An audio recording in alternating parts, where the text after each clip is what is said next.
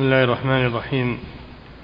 الحمد لله رب العالمين والصلاة والسلام على نبينا محمد وعلى آله وأصحابه أجمعين. أما بعد قال المؤلف رحمه الله تعالى فصل. ومما يبين أن هذه الفواحش أصلها المحبة لغير الله تعالى سواء كان المطلوب المشاهدة أو المباشرة أو غير ذلك. أنها في المشركين أكثر منها في المخلصين ويوجد فيها من ويوجد فيهم ويوجد فيهم منها ما لا يوجد مثله في المخلصين. بسم الله الرحمن الرحيم. الحمد لله والصلاة والسلام على رسول الله وعلى آله وأصحابه أجمعين. تعلق بالنساء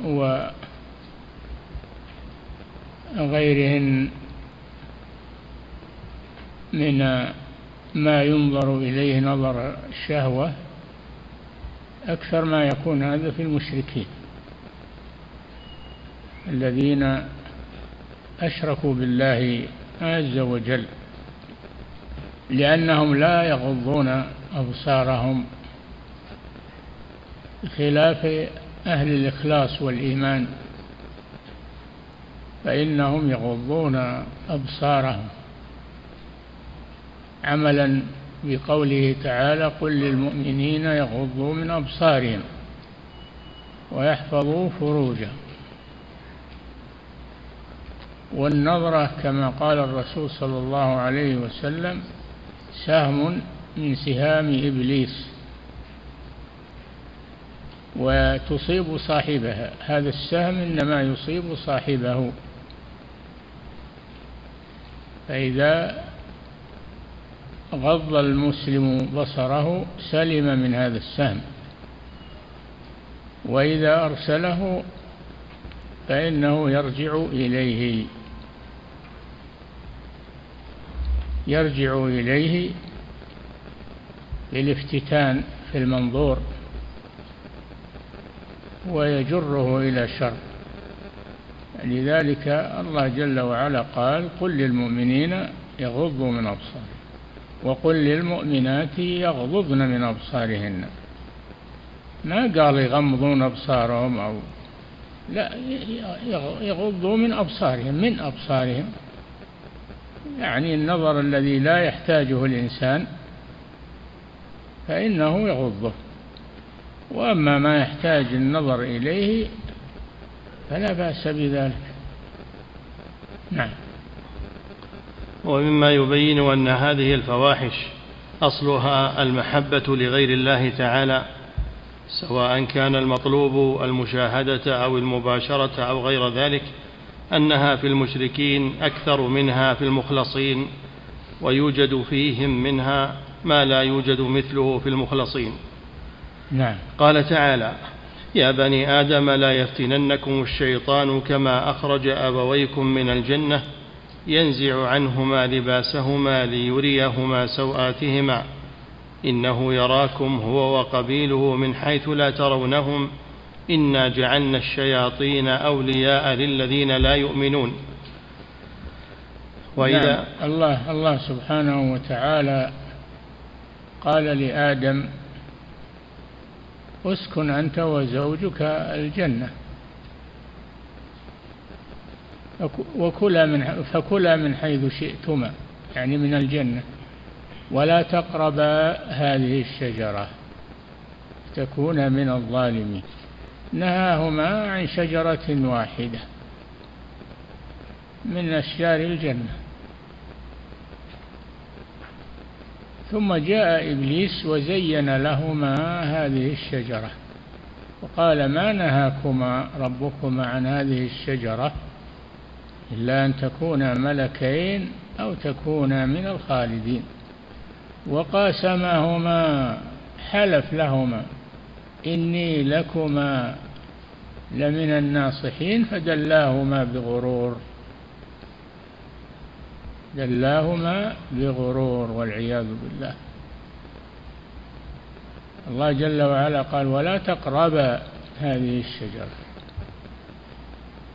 جاء إبليس فقال لآدم وزوجه هل أدلكم على شجرة الخلد وملك لا يبلى؟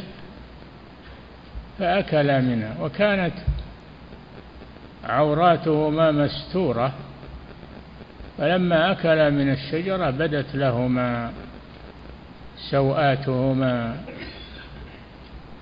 بدت لهما ظهرت سوآتهما وحصلت الفتنة. كل هذا بسبب الشيطان وبسبب وبسبب ارتكاب ما نهى الله عنه. نعم. يا بني آدم لا يفتننكم الشيطان كما أخرج أبويكم من الجنة ينزع عنهما لباسهما ليريهما سوآتهما. نعم لما أكل من الشجرة بدت لهما سوآتهما يعني احتاج إلى قضاء الحاجة فبدت لهما سوآتهما يعني عوراتهما بسبب الشيطان. الشيطان يحرص. الشيطان يحرص كل الحرص على التعري على تعري بني آدم. ولا يزال على هذا. اليوم كما تعلمون ماذا يعمل الشيطان مع النساء ومع المفتونين في إطلاق النظر إلى ما حرم الله وإلى المناظر السيئة والنساء تلبس اللباس الفاتن كاسيات عاريات كل هذا بسبب الشيطان. كل هذا بسبب الشيطان الذي حذرنا الله منه. فعلى المسلمين أن يتنبهوا لذلك. لا سيما وأن الوقت الآن وقت فتنة كما تعلمون. حفلات ومشاهد مخزية.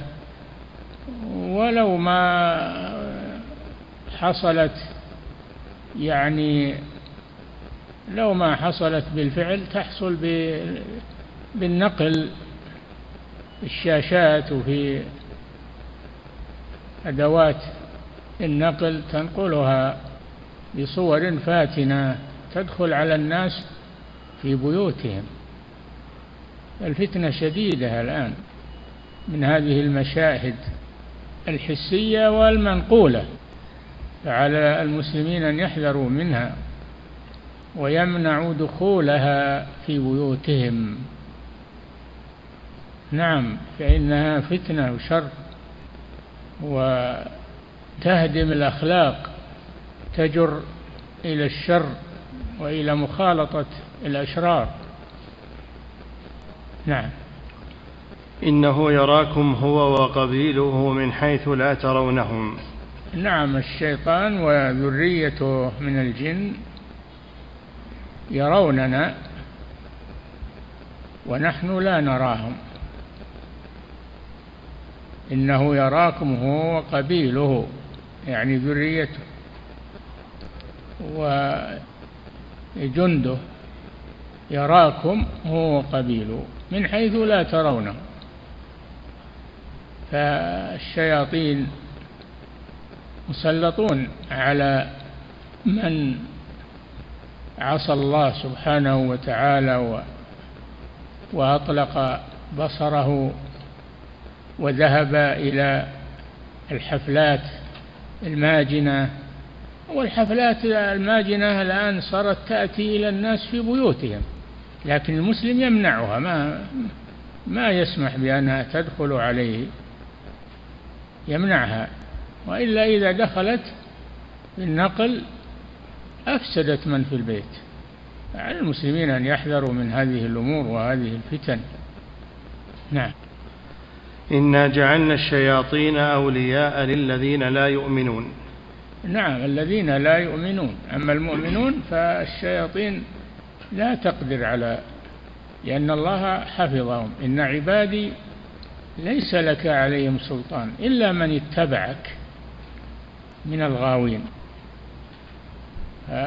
عباد الله المخلصين الله عصمهم وحماهم من الشيطان وأما الذين يميلون إلى الشهوات وإلى تتبع المناظر السيئة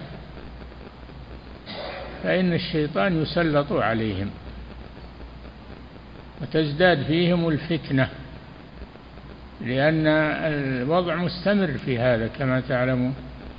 تزداد الفتنة تتوقد فالمسلم يبتعد عنها يغض بصره يبتعد عن مواطنها الحفلات الماجنة والمشاهد الماجنة التي تنقل بوسائل الإعلام يبتعد عنها ويبعد عنها أهل بيته.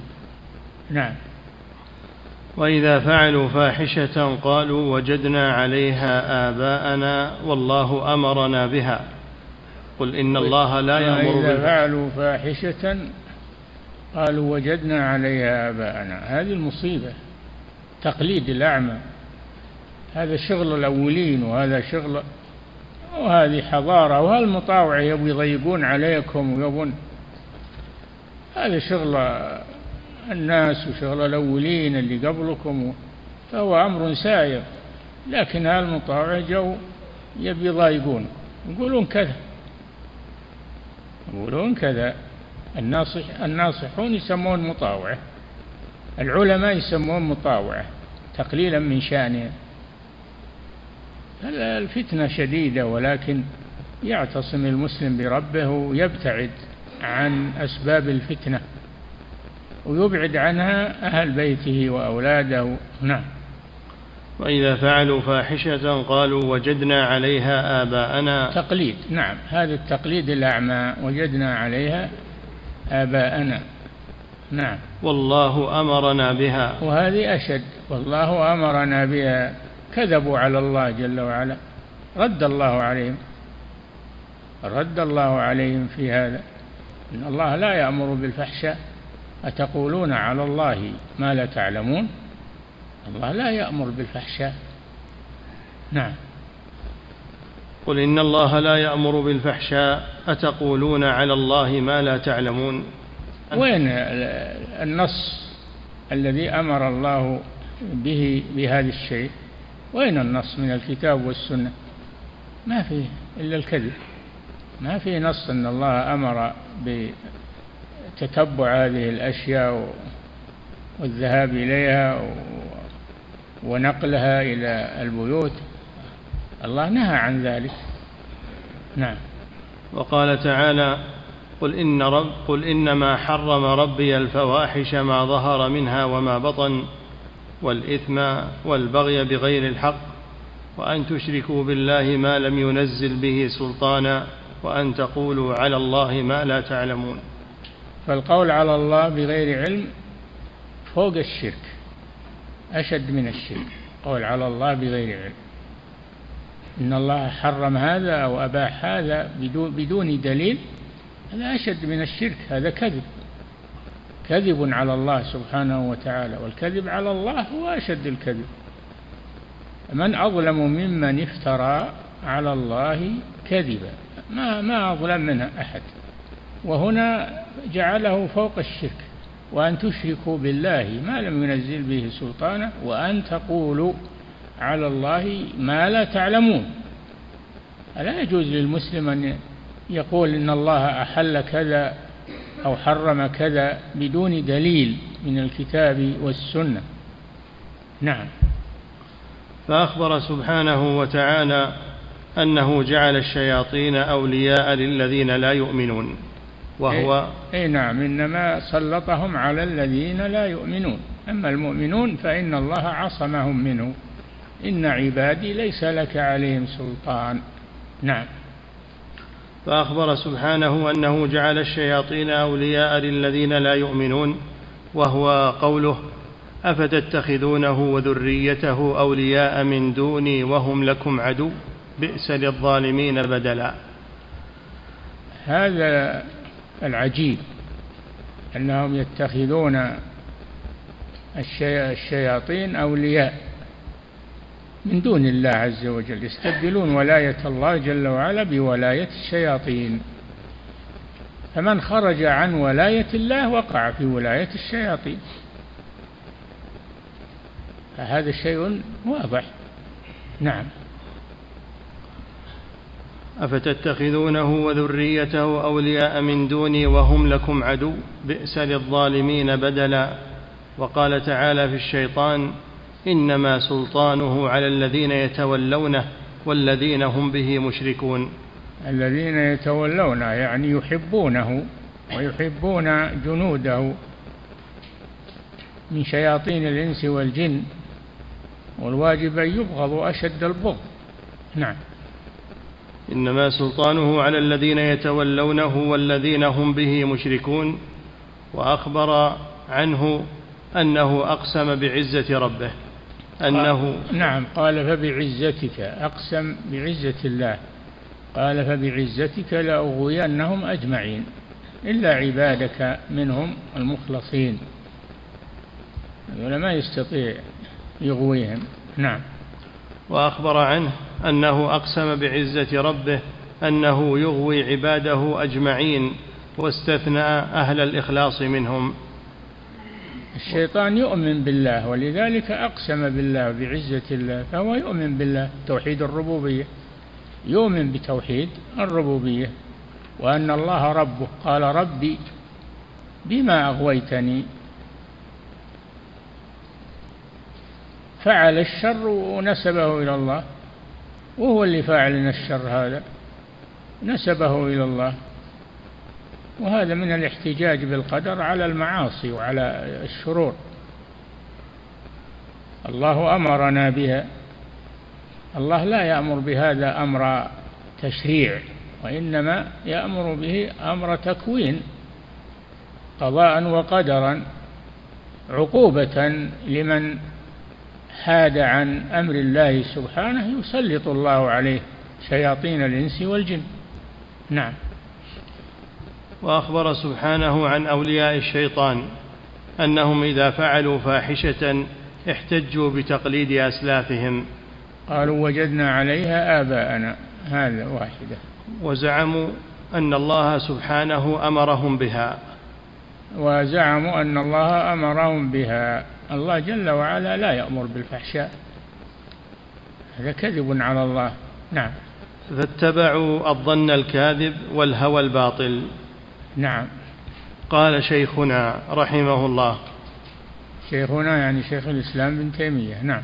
قال شيخنا رحمه الله وفي هذا الوصف نصيب كبير لكثير من المنتسبين إلى القبلة من الصوفية والعباد والأمراء والأجناد والمتفلسفة والمتكلمين والعامة وغيرهم يستحلون من الفواحش ما حرمه الله ورسوله ظانين أن الله أباحه أو تقليدا لأسلافهم. أي نعم.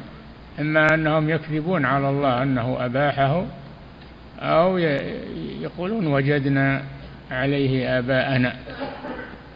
فجمعوا بين الكذب على الله سبحانه وتعالى وتقليد الأولين في الفساد وفي الشرور. نعم. وأصله العشق الذي يبغضه الله فكثير منهم يجعله دينا ويرى أنه يتقرب به إلى الله. إما نعم الصوفية غلاة الصوفية كل الصوفية غلاة الصوفية يقولون هذا طاعة لله عز وجل. إن إحنا نتفكر بخلق الله ينظرون بوجوه المردان يقولون إن نتفكر في خلق الله. والله أمرنا بالتفكر في مخلوقاته فنحن نتفكر في خلق الله. نسأل الله العافية. نعم. وأصله العشق الذي يبغضه الله. نعم. فكثير منهم يجعله دينا ويرى أنه يتقرب به إلى الله إما لزعمه أنه يزكي النفس ويهذبها وإما لزعمه أنه يجمع بذلك قلبه على آدمي ثم ينتقل إلى عبادة الله وحده. وإما لزعمه أن الصور الجميلة مظاهر الحق ومشاهده ويسميها مظاهر الجمال الأحدي. نعم هذا الحلولية اللي يقولون إن الله حال في المخلوقات الجميل هذا الله حال فيه. اللي فيهم جمال هذا لأن الله حال فيهم. تعالى الله عما يقولون. وهذا أعظم الكفر والعياذ بالله. مذهب الحلولية هو أعظم الكفر. نعم. وإما لاعتقاده حلول الرب فيها أو اتحاده بها. نعم. ولهذا تجد بين نساك هؤلاء وفقرائهم وأمرائهم وأصحابهم توافقا وتآلفا على اتخاذ أنداد من دون الله يحبونهم كحب الله. نعم. إما تدينا وإما شهوة وإما جمعا بين الأمرين. ولهذا يتآلفون ويجتمعون على السماع الشيطاني. السماع يعني الغنى. يجتمعون على سماع الغنى الغزل وذكر هذه الأمور. نعم. ولهذا يتآلفون ويجتمعون على السماع الشيطاني الذي يهيج الحب المشترك فيهيج من كان فيهيج من كل قلب ما فيه من الحب. نعم. وسبب ذلك خلو القلب مما خلق له من عبادة الله تعالى التي تجمع محبته وتعظيمه والخضوع والذل له والوقوف مع أمره ونهيه ومحابه ومساخطه. فإذا كان في القلب وجد وجد حلاوة الإيمان وذوق طعمه. نعم. فإذا كان في القلب وجد حلاوة وجد, وجد نعم. فإذا كان في القلب وجد حلاوة الإيمان وذوق طعمه نعم. فأغناه ذلك عن محبة عن محبة الأنداد وتألهها. وإذا خلا القلب من ذلك احتاج إلى أن يستبدل به ما يهواه ويتخذه إله. وهذا من تبديل الدين وتغيير فطرة الله التي فطر عليها عباده. ولهذا يقول شاعرهم عرفت هواها قبل أن أعرف الهوى فصادف قلبا خاليا فتمكن. الخلى القلب من ذكر الله ومن طاعة الله تمكن منه الشيطان والعياذ بالله. نعم. وهذا من تبديل الدين وتغيير فطرة الله التي فطر عليها عباده. قال سبحانه وتعالى فأقم وجهك للدين حنيفا. فطرة الله التي فطر الناس عليها لا تبديل لخلق الله. أقم وجهك يعني نيتك وقصدك. أقم وجهك للدين دين الله سبحانه وتعالى حنيفا. والحنيف هو المقبل على الله جل وعلا المعرض عما سواه. هذا هو الحنيف المقبل على الله المعرض عما سواه. فأقم وجهك للدين حنيفا. فطرة الله التي فطر الناس عليها. فهذا الدين يوافق الفطرة السليمة التي فطر الله الناس عليها. فهو دين الفطرة. لكن الفطرة تغير أحيانا تغير بالتربية السيئة بالأفكار الخبيثة فتفسد الفطرة. أما لو أن الفطرة حميت لا دلت على الله جل وعلا وسلم صاحبها من الضلال لو سلمت الفطرة. لكن الفطرة يؤثر عليها الأشرار وتغير الفطرة بالتربية السيئة في العادات القبيحة. نعم. فأقم وجهك للدين حنيفا. فطرة الله التي فطر الناس عليها لا تبديل لخلق الله. أي لا, لا تبديل لخلق الله. فلا أحد يجعل الفطرة يجعل الفطرة يعني يخلق الفطرة. ما أحد يقدر على خلق فطرة منتكسة. أبد. الله يخلق الفطرة مستقيمة إلى أن تغير من قبل الأشرار.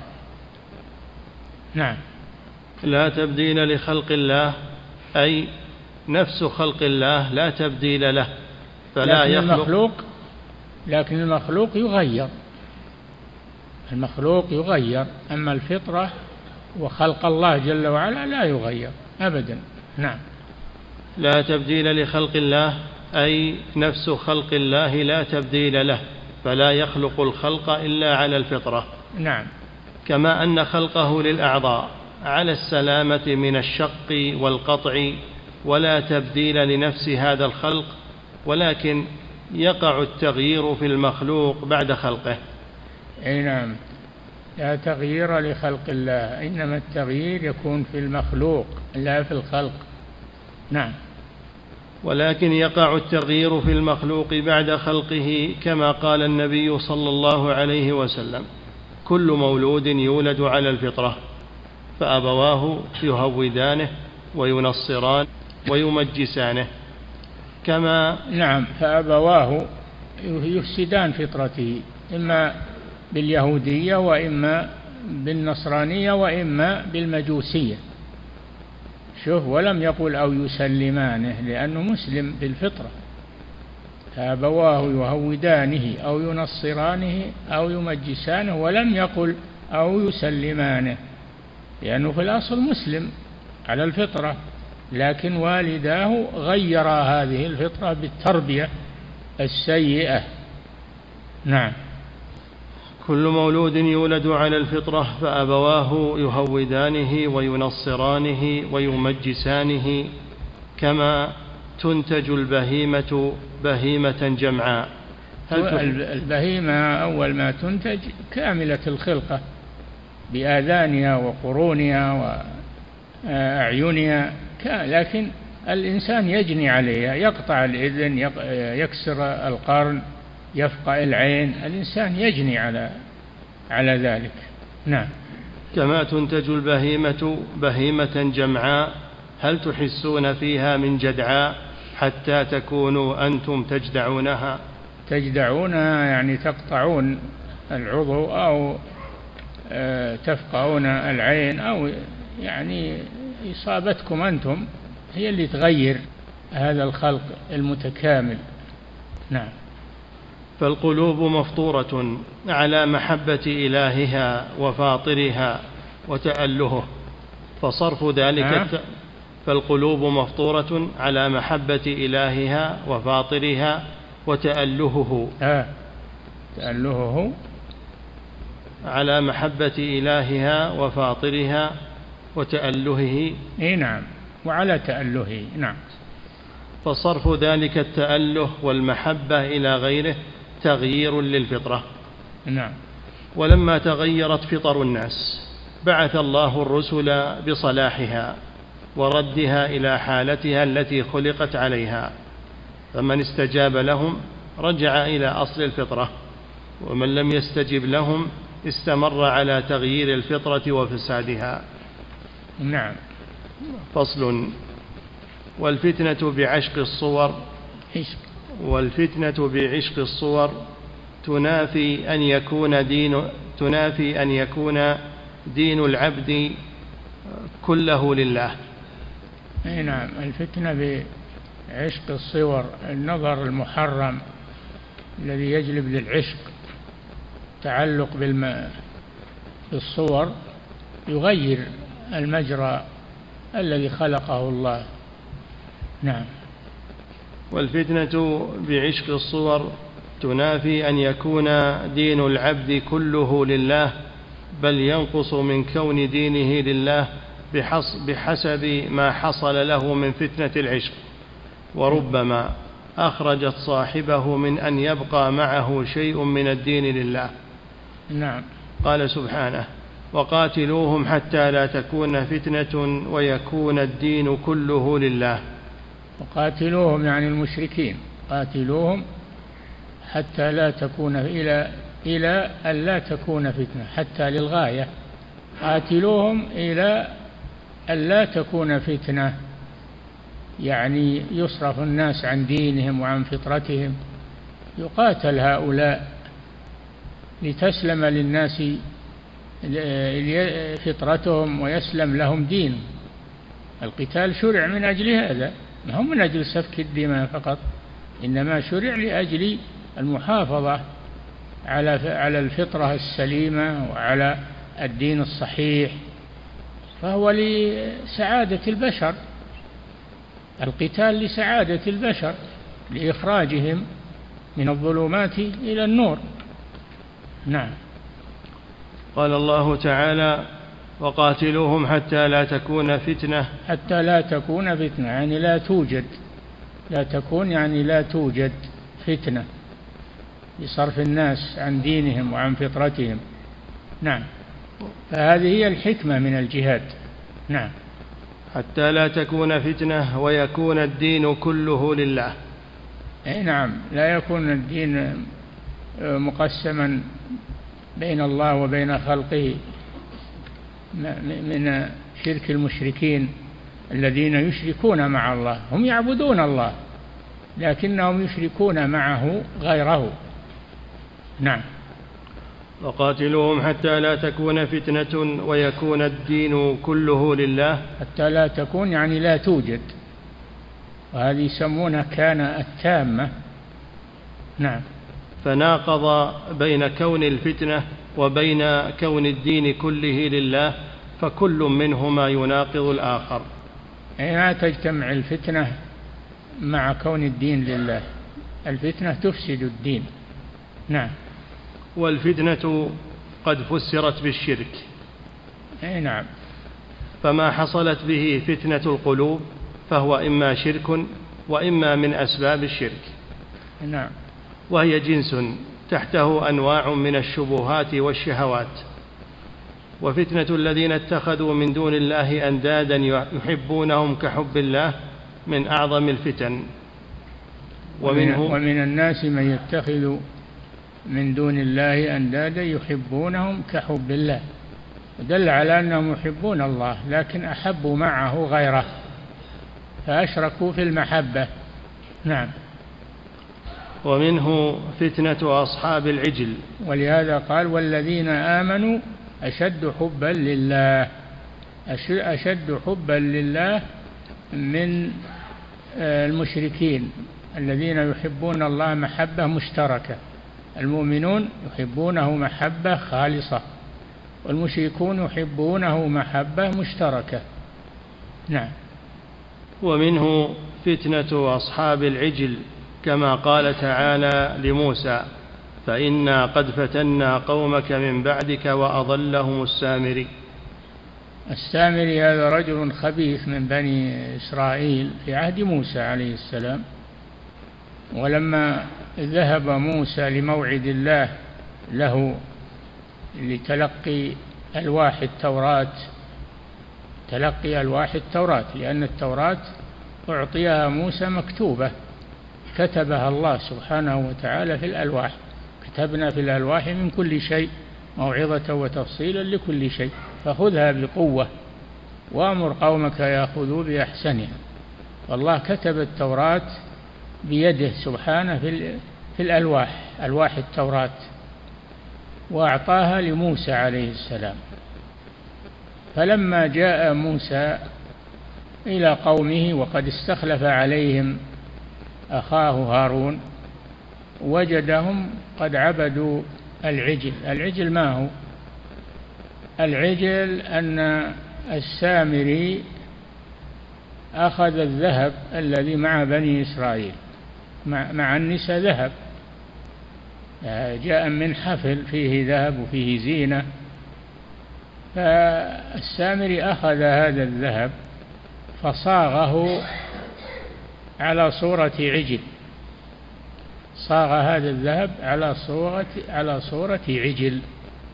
وهو مجوف تدخله الهواء. تدخله الهواء مع مع جانب وتخرج مع الجانب الآخر يصير له صوت. له خوار. يعني مثل خوار الثور وهو هواء تدخل فيه. أخرج لهم عجلا جسدا له خوار. يعني مثل خوار الثور وهو بسبب الهواء التي تدخل فيه وتخرج. له خوار. فقال هذا إلهكم وإله موسى فنسي. موسى نسي راح يدور إلهه وهذا عندنا. تعالى الله عما يقول. هذا إلهكم وإله موسى فنسي. نسي موسى وراح يدور إلهه وهو موجود عندنا. هالعجل هذا؟ تعالى الله عن ذلك. قال الله جل وعلا أفلا يرون ألا يرجع إليهم قولا؟ هذا العجل ما يتخاطبونه ولا يرد عليهم. هذا يصلح إله ألا يرجع إليهم قولا ولا يملك لهم ضرا ولا نفعا. لا يملك لهم ضرا ولا نفعا. ما يعتبرون. هذا صورة ما هو شيء. لا يرد عليهم إذا خاطبوه لا يرجع إليهم قولا ولا يملك لهم ضرا ولا نفعا. وأيضا هو لا يسمع ولا يبصر. كيف يكون إلهه ما يسمع ولا ولا يبصر؟ ألا يرون أن لا يكلمهم؟ ولا يملك لهم ضرا ولا نفعا فهذا فتنة والعياذ بالله. فتنوا به. موسى لما جاء ووجد القوم كذا ألقى الألواح من الغضب تكسر بعضها ألقى الألواح من الغضب لله عز وجل فتكسر بعضها وأخذ برأس أخيه هارون يجره إليه من الغضب. قال يا ابن أم لا تأخذ بلحيتي ولا برأسي. إني خشيت أن تقول فرقت بني بين بني إسرائيل ولم ترقب قولي.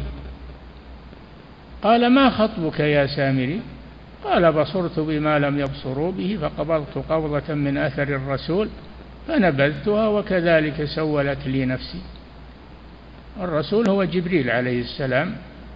جاء على فرس فأخذ من أثر الفرس في التراب ووضعه في هذه الصورة التي صورها من الذهب فصار هذه الصورة لها صوت خوار مثل خوار الثور فانفتنوا به والعياذ بالله. هذا أصل العجل. نعم. إن الذين اتخذوا العجل سينالهم غضب. من ربهم وذلة في الحياة الدنيا وكذلك نجزي المفترين. نعم. كما قال الله تعالى لموسى ولقد قال له